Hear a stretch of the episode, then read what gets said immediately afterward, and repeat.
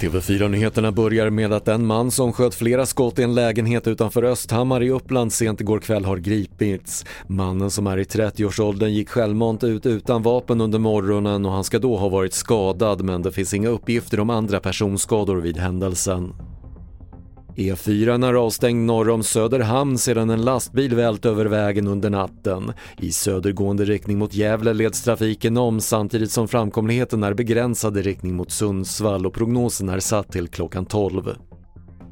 I Ukraina uppmanades invånarna i Kiev att ta sig till bombskydd under natten. Igår genomförde Ryssland några av de mest omfattande attackerna sedan invasionens början vilket ledde till att elförsörjningen begränsats i flera regioner. Och tre dagars landsorg har utlysts i Brasilien efter beskedet igår om att fotbollslegenden Pelé gått bort 82 år gammal. På måndag ska den trefaldiga världsmästaren hyllas på Santos Arena, klubben som Pelé representerade under större delen av sin karriär. Fler nyheter hittar du på TV4.se. Jag heter Patrik Lindström.